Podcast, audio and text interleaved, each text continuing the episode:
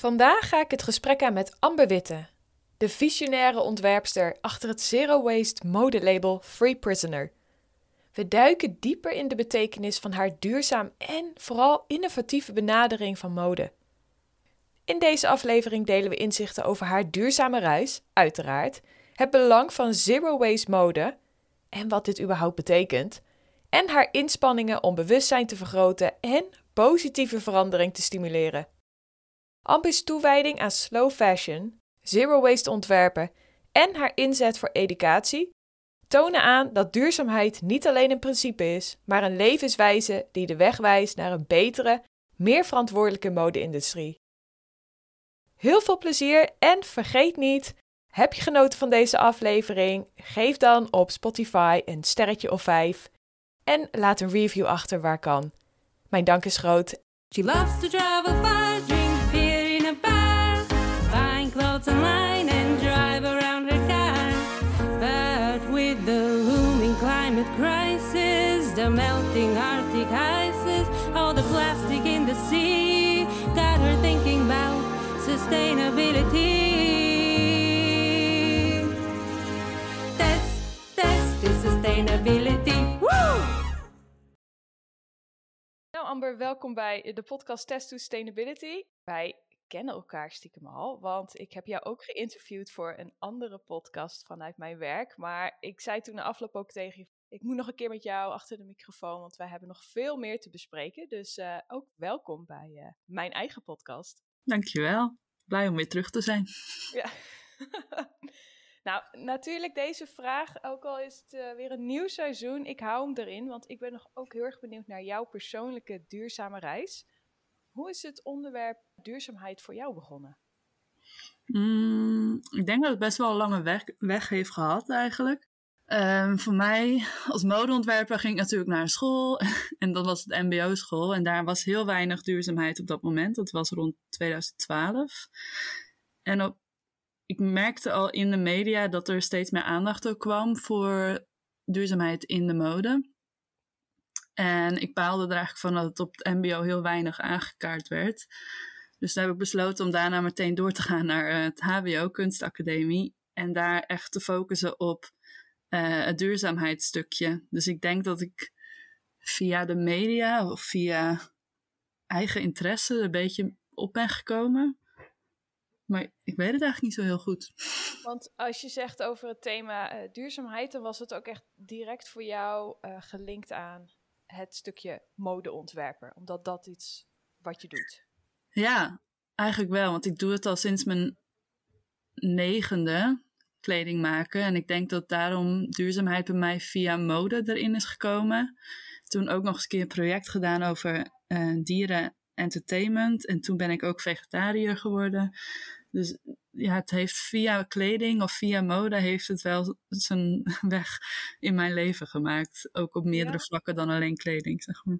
Ja, en je zei tijdens je opleiding merkte je van nou, er wordt niet echt veel met het, met het onderwerp gedaan. Als je het hebt over duurzaamheid in mode, wat zijn dan de onderwerpen? Oeh, dat jou? is goed. uh, er zijn heel veel. Nou, je zou het kunnen uh, verdelen onder vijf categorieën. Uh, wordt ook wel vijf goods genoemd. Um, en dat focust zich wel echt op de circulaire economie, op water, elektriciteit, welk materiaal gebruik je, maar ook welke mensen produceren het. Uh, dus is de leefomstandigheid, is dat goed? Um, dus ja, om al die vijf categorieën te kunnen waarborgen is wel lastig. Is een grote uitdaging. En je geeft ook aan dat jij uh, een zero waste designer bent. Wat houdt dat dan in? Ja, ik focus me echt wel, probeer op alle vijf te focussen, maar op het meeste stuk op het, op het materiaal. Omdat we gewoon enorm veel materiaal weggooien, elk jaar, maar ook um, over het algemeen gewoon heel erg veel. En voor mij, zero waste is dat ik patronen herontwikkel. Dus de conventionele patronen die veel rondingen hebben, die pak ik erbij en die probeer ik op een andere manier in elkaar te puzzelen eigenlijk, totdat het een, uh, op de complete oppervlakte van de stof past. Dus dan heb ik eigenlijk helemaal geen textielverspilling. En ja, zo'n patroon kan soms een aantal weken tot maanden duren voordat je het ontwikkeld hebt. Maar uh, voor mij is dit een, een fijnere manier om te ontwerpen en ervoor te zorgen dat ik niet bijdraag aan uh, de verspilling in de wereld van mode vooral. Wauw, en je hebt het echt over, zei je nou net, een paar maanden voor zoiets ontwikkeld is. Wat maakt dat het zo lang duurt? Of is dat helemaal niet zo lang in, een, in de modewereld? Ik heb geen idee. Ja, in de modewereld is dat enorm lang. Want als je naar Sarah kijkt, ja, hangt er ongeveer elke week tot twee weken wel een nieuwe collectie in de winkel. Uh, maar dat is ook pas sinds de afgelopen twintig jaar natuurlijk. Fast fashion bestaat nog niet enorm lang. Maar we zijn er wel heel erg gewend aan geraakt.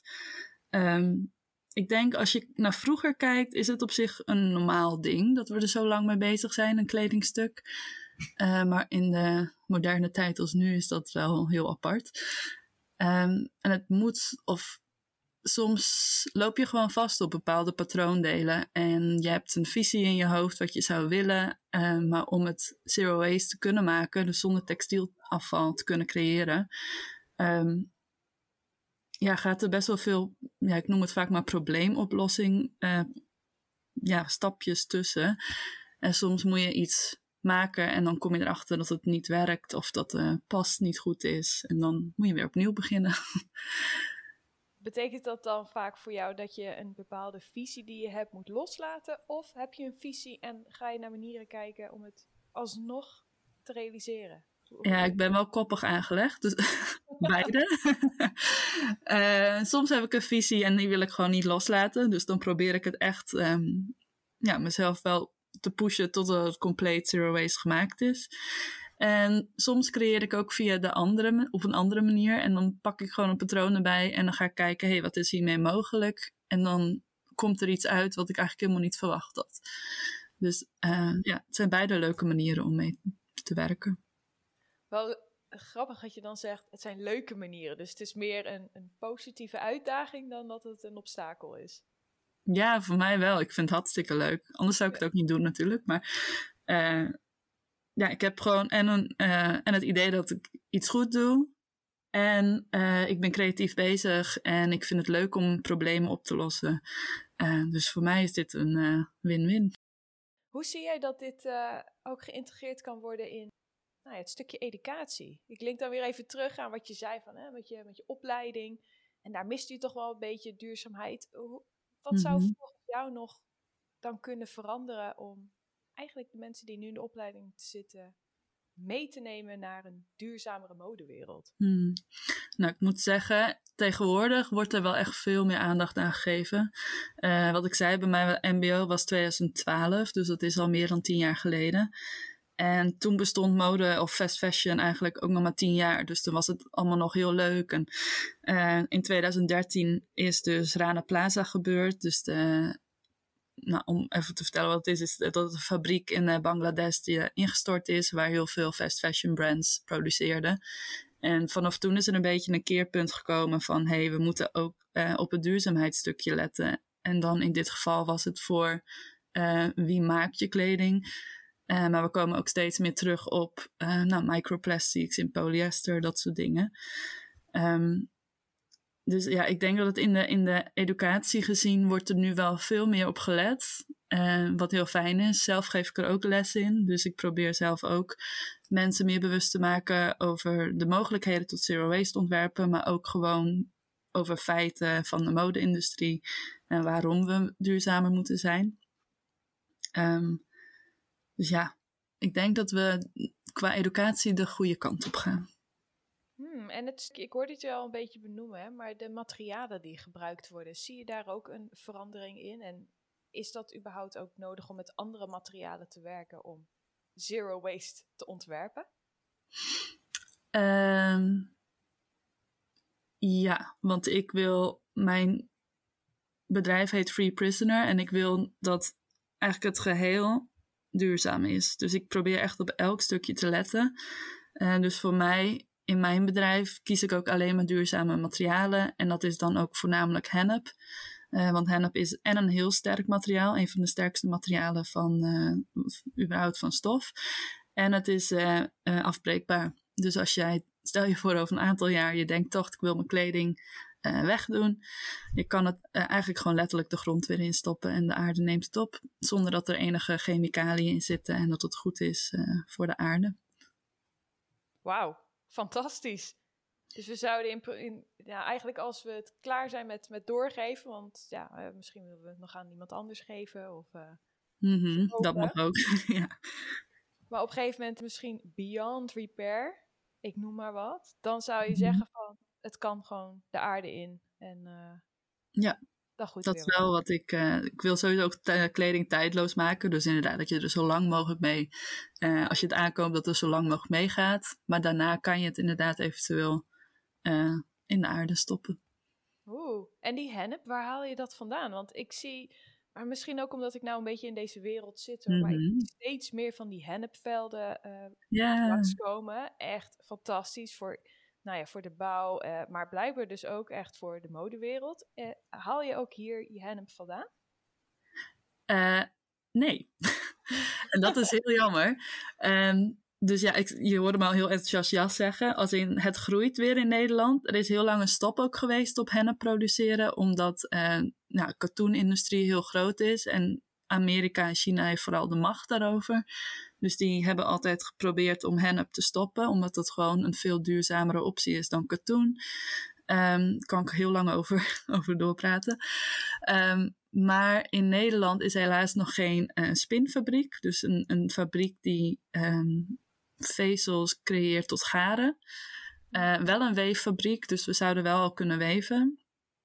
Uh, maar het tussenstukje mis. Dus er is inderdaad een, heel veel hennep op het moment. Uh, maar om hennep te kunnen overzetten naar een textielstof, moeten we eerst spinnen en daarna nog weven. Um, en helaas hebben we niet al die fabrieken in Nederland. Dus ik haal wel mijn stof uit Europa, uit Roemenië. Uh, maar nog niet uh, uit Nederland. Maar dat wil ik hopelijk in de toekomst wel doen. Ja, precies. Want eigenlijk zeg je, er mist gewoon een schakel in de keten. Ja, maar ik weet wel dat we ermee bezig zijn, ook op het moment. En waarschijnlijk komt hij in Groningen, dus dat is ook lekker dichtbij. Ja, oh, ja dat is ideaal. Zijn er ook misvattingen als je het hebt over zero waste mode? Ja, ik krijg altijd de vraag: uh, oh, van gerecyclede stoffen. Um, en dat, ja, dat zou kunnen. Want je kan het al, ja, je kan het beide toepassen natuurlijk. Je kan en een patroon zero waste maken en uiteindelijk ook je textiel gebruiken van gerecyclede stof. Um, maar waar ik mij vooral heel erg op focus is het uh, pre-consumentenstukje. Dus je moet het eigenlijk zien op een, op een ja, de mode is nog heel erg in een lineaire lijn, dus nog niet echt per se een circulaire economie. En een kledingstuk die wordt gemaakt, die wordt gebruikt en die gaat dood. Um, en waar ik dan heel erg op focus is het beginstuk, dus het wordt gemaakt. Dus dan wil ik ervoor zorgen dat in dat allereerste fase van het kledingstuk, dat daar eigenlijk geen verspilling in is, geen uh, chemicaliën voorkomen en dat soort dingen. En de misvatting is vaak dat ik dus kijk naar het eindstuk. Dus dat ik de hele lineaire tijdlijn al voorbij ben gegaan en dat ik let op het stukje dood eigenlijk uh, van het kledingstuk. Um, maar dat doe ik dus niet. Ik ben echt met het pre-consumentenstuk bezig en niet met het post-consumentenstuk. Oké, okay, uh, fantastisch. maar hoe zorg je er ook voor dat de kwaliteit ook nog goed blijft? Want ik hoorde het je al zeggen dat dat wel een heel belangrijk onderdeel is van wat je doet en hoe je het ook creëert. Mm -hmm. Dat een stukje kwaliteit. Hoe zorg je daarvoor dat je dat waarborgt? Mm, ik denk dat het voornamelijk materiaal is. Um, ja, hoe definieer je kwaliteit is ook een vraag natuurlijk. Maar um, ik denk aan materiaal en als ik kijk naar kwaliteit, dan denk ik aan het, dat het lang duurt en dat het niet snel kapot gaat. Um, daarin is materiaal gewoon je grootste vriend en moet je ervoor zorgen dat je sterk spul hebt. En hennep is gewoon een van de sterkste materialen die er is. Als iemand dit luistert en die is heel erg bezig met uh, mode en trends volgen en die hoort misschien dit over sterke materialen, nou eigenlijk misschien een, een soort materiaal wat ook niet vaak voorkomt. Het stukje zero waste, duurzaam, er kan misschien een, een een beeld bij komen dat het niet bepaald heel erg stylish verantwoord is. Wat zou je daarop zeggen? uh, dan ga je de holle sokken bedoel je? Ja, uh, precies. ik denk dat, dat, dat we dat inmiddels echt wel al voorbij zijn. Um, ja, tien jaar geleden, toen inderdaad duurzaamheid net begon, een beetje, toen zou je dat misschien zo kunnen noemen. Ik denk dat we inmiddels heel veel ontwerpers hebben die zich focussen op duurzaamheid. En die hartstikke stylish zijn. Ehm, want tegenwoordig zijn er ook heel veel brands die dus wel op het uh, postconsumentenstukje focussen. Dus op het recyclen van stoffen. Nou, dan komen echt de tofste dingen uit. Uh, en persoonlijk ben ik ja, het is natuurlijk wel een stijl waar je van moet houden, maar ik ben meer gericht op een beetje de Aziatische, acht, ja, Aziatische stroming. Um, en ik let heel erg op dansbewegingen, dus ik wil ervoor zorgen dat mijn kleding flowy blijft. Maar ik denk dat het er echt totaal niet lijkt op geitenwolle sokken. maar ja, dat, misschien ben ik biased, dat kan ook. Ja, nou ja, ik ben niet biased, maar ik zie wel wat je ontwerpt en ik vind het wel fantastisch. Ik vind het gewoon heel, ik vind het gewoon stoer. Ik denk dat dat het juiste woord ook wel is. Ja, ik denk dat ik daar ook wel naar naartoe gaan, wil gaan. Ja. Stoere, vrouwelijke, maar het is ook niet alleen voor vrouwen, het is unisex uh, allemaal. Maar ja, ik, ik zoek graag de, de grenzen op en tussen de regeltjes leven en dat soort dingen. Dus het is voor iedereen. Maar en wel hoe stoer. zorg je voor die, um, voor die balans tussen duurzaamheid en betaalbaarheid? Want ik zie natuurlijk ook steeds meer, uh, wat ik een fantastische trend vind, hè? meer echt, echt duurzame kledingmerken, kledingstukken, of ze zijn hè, volledig circulair gecreëerd. Uh, nou ja. Maar daar zit ook wel een prijskaartje aan. Hoe Mhm. zorg je voor de balans tussen duurzaamheid en betaalbaarheid voor nou ja, consumenten? Ik denk dat dat nog een lastige. Ik denk, doordat wij dus zo verwend zijn, eigenlijk de afgelopen twintig jaar met de goedkope prijzen voor eh, kleding, wat dus door de industriële revolutie te danken is, eh, wat overigens niet een slecht ding is, maar eh, het heeft ook wel voor veel nadelen gezorgd. Ehm, als je iets kan produceren in massa, wordt het altijd goedkoper. En als je het laat doen door een fabrikant of door een derde wereldland, wordt het ook goedkoper. En daarin zijn wij gewoon, we weten niet meer zo goed de, wat, een, echt- wat een kledingstuk die door iemand persoonlijk gemaakt is, wat voor waarde dat heeft en wat voor tijd daarin zit en wat de stappen zijn. En dat is ook een van de redenen dat ik les geef, om mensen ook weer bewust te maken van hoe een kledingstuk nu eigenlijk tot stand komt. Ehm, dus ja, prijs of geld is altijd een lastig stuk nu nog in de mode, omdat we zoveel andere opties hebben om het goedkoper te krijgen. Ehm, maar persoonlijk doe ik altijd gewoon mijn loon, mijn uurloon en mijn materiaal. En dat eh, is dan de prijs. Ja, want weet je, het is natuurlijk ook de term true pricing, hè? Want Ja, uiteindelijk... ik zou het niet anders kunnen. Ik, ik, eh, Nee. ik heb het ook wel een paar keer geprobeerd om het goedkoper te doen, maar dan werk je jezelf eh, ja, de schulden in eigenlijk. Ja, en ook met die, nou ja, die fast fashion merken, eh, zoals een H&M, ja, uiteindelijk iemand betaalt de prijs. Dus inderdaad misschien niet de Mhm. consument als wij bij de kassa staan, maar dan wordt het wel ergens anders op ingeleverd. Is het klimaatimpact, eh Ja. mensenwerk dat erachter zit. Dus dat is nog wel iets, eh, als je, ook als je kijkt naar voeding, hè, dus bijvoorbeeld waarbij eh, de biologische groentes in sommige gevallen gewoon duurder zijn Mhm. ja, omdat er geen pesticiden worden gebruikt, misschien omdat er meer werk in zit dan eh, het voedsel waar wel met massa's eh, gif overheen is gespoten. Maar wa- waardoor het wel snel geoogst, gekweekt en Ja, pesticidevrij. Ja, ik denk eh, dat die vergelijking heel goed is, want dat, dat is eigenlijk ook hoe het in de mode gaat. ja. ja. hey, en ik hoorde je het zeggen, je geeft les. Ehm, zijn er ook andere manieren waarmee je probeert die bewustwording over zero waste mode en het nou ja, belang daarvan te vergroten? Nou ja, het lesgeven is dus één stukje. Eh, dat doe ik bij een kunstbloedplaats, maar ik ga ook wel naar scholen toe om daar eh, meer bewustwording te creëren. Ik ga ook vaak naar mijn oude school toe, mijn oude MBO-school. Vandaar dat ik ook weet dat ze beter bezig zijn op duur- duurzaamheidsgebied. Ehm, en ja, ik denk social media. Ik probeer feitjes te delen via mijn Instagram over de industrie. Ehm, en ik denk dat dat ook wel een, een goed kanaal is op dit moment. Ja, wacht even hoor. Wat is jouw Instagram naam ook weer? At FreePrisoner? Uh, freeprisoner.zerowastefashion. Hier, goed dat jij hem nog even zegt, inderdaad. bij deze. Ik zet hem ook even bij de show notes, zodat iedereen je ook meteen kan volgen, want het is super handig.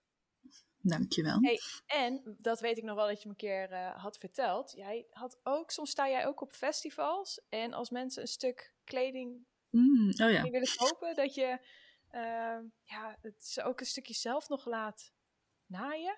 Klopt, Klopt. dat? Ja. Ik heb afgelopen zomer um, op festivals uh, ben ik geweest. En dat was dan eigenlijk wel zero waste kleding met gerecyclede stoffen. Uh, waardoor het natuurlijk ook een stuk goedkoper kan, want de stoffen zijn gedoneerd. Um, en daar laat ik mensen eigenlijk een, het is maar een heel klein stukje, maar de zoom, dus de onderkant van je kledingstuk, die laat ik mensen zelf afmaken. Um, om twee redenen eigenlijk. Ook zodat mensen weer achter de naaimachine komen en weten hoe je bijvoorbeeld je eigen broek kan inkorten. Uh, maar ook omdat ik dan meer tijd met ze heb en dat ik dus een gesprek aan kan gaan over de industrie. Ja, heel vet. Uh, begeleid je wel een beetje met zo'n uh, machine? Want ik zou echt altijd dood ja. zijn dat ik dat kledingstuk kapot maak. Ja, ja, ja, ja. Nee, ik ga er gewoon naast zitten. En ik heb altijd meerdere mensen bij me. Dus uh, die zorgen dan dat de winkel verder goed loopt. Maar ik focus mij vooral op degene die achter de naaimachine zit dan. Oké, okay, oké, okay, gelukkig. Gelukkig. en nou, we gaan echt al echt super snel richting het einde. Maar er zijn nog wel een paar dingen die ik met je wil bespreken. Want zie jij namelijk dat er bepaalde trends of ontwikkelingen zijn in de mode-industrie die jou hoopvol stemmen? Over een toekomst met, nou ja, duurzame mode? Hmm. Trends weet ik niet zo goed. Nou ja, de trend op dit moment natuurlijk is heel, wel, wel gewoon vintage en kringlopen en dat soort dingen. Dus dat, dat vind ik heel fijn, want dat geeft toch oude kleding weer een tweede kans. Um, maar ik denk dat wel ook een goede tip is om een keer naar Fashion for Good Museum in Amsterdam te gaan. Dus dat is een museum over, nou eigenlijk over hoe, hoe dit allemaal tot stand is gekomen. Maar het geeft ook de innova innovaties, bedrijf, innovatieve bedrijven uh, aan die eigenlijk hele toffe dingen gaan doen in de toekomst. Uh, dus dat zijn niet per se trends misschien, maar wel ja, dingen waar we op gaan letten in de toekomst en die we ook echt wel terug gaan zien. Want ik weet niet of mensen het weten, maar bijvoorbeeld maar 2% van uh, de kleding die je eigenlijk in een afvalsbak doet, die wordt maar ge gerecycled. Dus dat is echt maar 2%, dus dat is enorm weinig. Uh, en dat is omdat er kleding tegenwoordig vaak van een blend gemaakt is. Dus het is niet meer 100% natuurlijk, uh, maar vaak zit er een synthetische stof in ge geblend of gecombineerd met een natuurlijke stof. En dat kan je niet recyclen. En nu zijn er een paar initiatieven, zoals uh, Amber Cycle en Infinited Fiber bijvoorbeeld. En die hebben een nieuwe innovatie, uit, innova innovatie uitgezocht. Die uh, ervoor zorgt dat die gades, ondanks dat ze geblend zijn, dus ondanks dat ze van synthetisch en natuurlijk zijn, dat het weer een oneindig lange ga garen kan worden. Dus dat is een hele fijne ja, nieuw ding, wat er hopelijk voor kan zorgen dat we over een paar jaar 100% kunnen recyclen en opnieuw kunnen gebruiken. Ja, fantastisch zeg, dat soort initiatieven. Ik hoop het.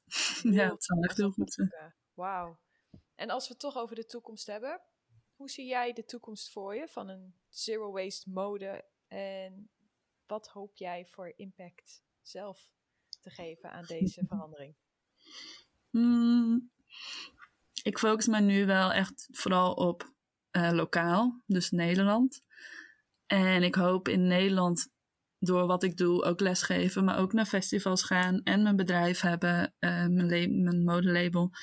Uh, ja, om het een ripple effect te creëren hier en ervoor te zorgen dat niet iedereen hoeft per se zero waste te worden in de zin hoe ik het doe, maar wel dat er een, een groter bewustzijn komt over ja, wat de mode-industrie eigenlijk doet en wat het veroorzaakt. Um, ik denk dat dat wel echt mijn missie is. En het zou wel heel tof zijn dat ik mensen dan inspireer om ook meer zero waste te gaan ontwerpen. Heel vet als dat gaat lukken. Mm -hmm. heb je. Mm -hmm. Jij noemt jezelf uh, free prisoner. We zijn er ja. gewoon overheen gelopen. Maar um, hallo, wat, wat is eigenlijk een free prisoner? Waarom heb je jezelf zo genoemd? Um, nou, dat is eigenlijk al heel lang zo, voordat ik überhaupt mijn label al had. Um, ik heb me altijd gewoon een beetje niet anders gevoeld, maar ik wou nooit mee met wat de maatschappij van mij wou.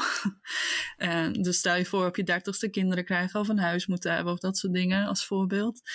Uh, en daarin voelde ik mij persoonlijk dus heel erg een, een vrije gevangene. Dus in, ja, in een maatschappij waarin we toch bepaalde dingen moeten doen, zoals je belasting en werken en dat soort dingen, is hier dan even een metafoor als gevangenis. En ik voel me daar heel erg uh, vrij in, op mijn manier. Als in ik woon in een bus. Um, ik zorg dat ik ook genoeg vrije tijd kan hebben. Dus ik probeer echt wel een beetje een, tussen de regels te leven, een beetje een balans te zoeken. En daar is Free Prisoner toen uit ontstaan, toen ik 18 was, denk ik. Heel rebels. Betekent dat ook dat je geen belastingen betaalt? Jawel hoor, helaas wel. dus wat ik zeg, ik ben nog steeds gevangen in deze maatschappij, maar ik probeer mezelf daar wel in uh, ja, een beetje zo vrij mogelijk te bewegen. Ja, precies. Je eigen weg erin te banen. Ja. Heel vet. Nou, uh, eigenlijk uh, brengt dat ons ook al meteen op uh, de eindsprint. Nee, wacht. Nee, voordat ik jouw tips wil horen, wil ik het nog wel even met je hebben over de vraag. En ook dit seizoen wil ik hem gewoon blijven stellen. Wat is jouw niet duurzame guilty pleasure? Normaal gesproken nee. doe ik die helemaal aan het begin. Maar ik was zo enthousiast, dus we doen hem nou al op het einde. nou, ik denk dat ik hem net ook al verklapt heb eigenlijk. Um, ik woon dus in een bus. En deze bus is uh, helaas niet elektrisch, dus het is een dieselbus. En ik denk dat dat wel mijn grootste uh, niet duurzame stap in mijn leven is. Uh, het geeft me enorm veel vrijheid, maar ik weet wel dat ja, dat het niet zo duurzaam is qua uitstoot. Ja, terwijl ik denk, wauw, je leeft in een bus, je verbruikt zoveel minder energie, minder water. Dat wel. Ja, ik heb wel, ik heb uh, zonnepanelen, ik heb uh, nou, water, die vul ik dan wel aan, maar ik gebruik daardoor zoveel minder water. Uh, ik heb er ook geen douche in zitten bijvoorbeeld, dus ja, ik gebruik veel minder water en energie wordt opgewekt door de zon, dus dat is ook heel fijn. Maar het is nog steeds diesel. Het is nog steeds een dieseltje, ja. ja. Helaas. En ook niet de, de, nieuwste. Dus ja, dat is dan wel. Daar zou ik wel uh, verbeteringen in willen op uh, lange termijn. Ja, snap ik. Snap ik. Nou, dat brengt ons ook al meteen op uh, jouw top drie duurzame tips. Mm -hmm. Op gebied van mode, zero waste mode. Wat zou je mij en de luisteraars kunnen adviseren om eens te proberen te doen als wij ook een positief verschil willen maken in onze kledingkast? Um, nou, we hebben het hier natuurlijk al even over gehad een keer. Maar één ding die ik met mijn vrienden vaak doe, is een soort van challenge. Uh, om bijvoorbeeld elk jaar maar drie of vier kledingstukken te kopen, maar dan wel van designers of lokale ontwerpers of iets waar je al heel lang naar uitkeek, maar je eigenlijk veel te duur vond. Want als jij kijkt naar. Je kan het een jaar gaan doen, bijvoorbeeld. Gewoon normaal kopen hoe je normaal koopt. En ga kijken wat voor. Uh, of hoeveel geld je daar uit hebt gegeven. En hoeveel kledingstukken dat uiteindelijk zijn geweest. En misschien dat je er dan juist achter komt. Als jij maar drie of vier kledingstukken koopt per jaar die iets duurder zijn. Kom je eigenlijk op hetzelfde neer. En heb je ook hopelijk veel meer plezier in de kledingstukken die je hebt gekocht. Uh, dus dat is een challenge die ik iedereen zou willen uh, ja, laten uitdagen. Uh, daarnaast, mm, ik denk voordat je een winkel instapt, zorg er altijd goed voor dat je weet waar deze winkel voor staat. Of ze een transparante website hebben bijvoorbeeld. Um, heel veel brands zijn enorm goed in marketing en dus ook in greenwashing. Dus een website onderzoeken of de naam onderzoeken is altijd een goed idee voordat je iets koopt. En je kan dat ook doen bij bepaalde websites. Ik weet dat uh, Kosh.eco is een goede website om brands op te scannen. Um, Goodonyou.eco is ook een hele goede. En je hebt ook uh, Project CC, geloof ik. Ja, Project CC. En daar kan je duurzame kleding kopen, bijvoorbeeld. Want ik weet dat dat soms ook lastig is, van wanneer is nou iets duurzaam. En, um, nou, dat is dan een website waar eigenlijk alles op staat. Um, een derde tip, nou ja, die je nu meteen kan doen, is eentje die, ja, je kleding wil je zo lang mogelijk mee om kunnen gaan. Je moet gewoon lief zijn voor je kleding. Dus ook met wassen. Dus was je kleding bijvoorbeeld binnenste buiten op 30 graden. Het gaat, uh, de bacteriën gaan er wel gewoon dood aan. Uh, en was ook alleen maar wanneer je wasmachine vol is. En anders hang je kleding gewoon buiten te luchten. Uh, dus ja, ga goed met je kleding om. De kleding die je nu hebt. Ik denk dat dat eentje is die ook belangrijk is. Oeh, die vind ik echt heel erg leuk. Ik ben onlangs uh, heb ik de lokale kleermaakster, kledingmaakster, hoe noem je dat eigenlijk? Coupeuse? Ja, oh, kledingmaakster. Nou, dat, is een veel mooier woord, laten we daarvoor gaan.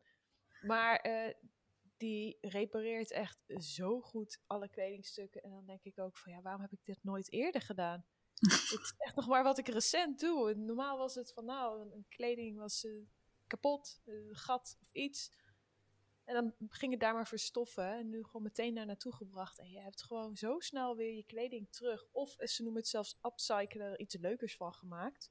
Ja, ik denk ja, ja. het wel handig. Maar... Uh, Kom bij mij lessen. Ach ja, train mij, alsjeblieft. Ja, dat is het leuke ervan. Natuurlijk, het is vet fijn als je kleding niet weggooit en het laat repareren door iemand. Maar het is nog fijner wanneer je het zelf zou kunnen, bijvoorbeeld. Of iets zou kunnen upcyclen, wat, wat ook heel tof is. Heel vet.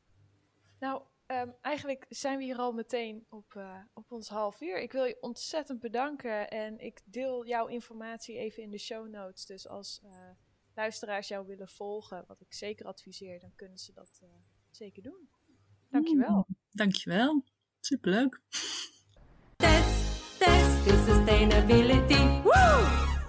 Wat is verduurzamen toch leuk hè? Ik weet niet hoe het met jou zit, maar deze aflevering heeft weer voor die extra groene kriebel gezorgd bij mij. Duurzaam leven zonder gedoe, zo is het maar net. Heeft deze aflevering jou ook geïnspireerd? Deel dan de podcast met een vriend, vriendin, familielid, collega, een zeer geïnteresseerde hond. Alleen zo maken we samen de wereld een stukje beter. Vergeet ook niet deze podcast een sterretje te geven op Spotify en Apple Podcast. En nou ik toch bezig ben, volg mij ook op TikTok en Instagram voor nog meer inspiratie. Tot de volgende aflevering. Cheers!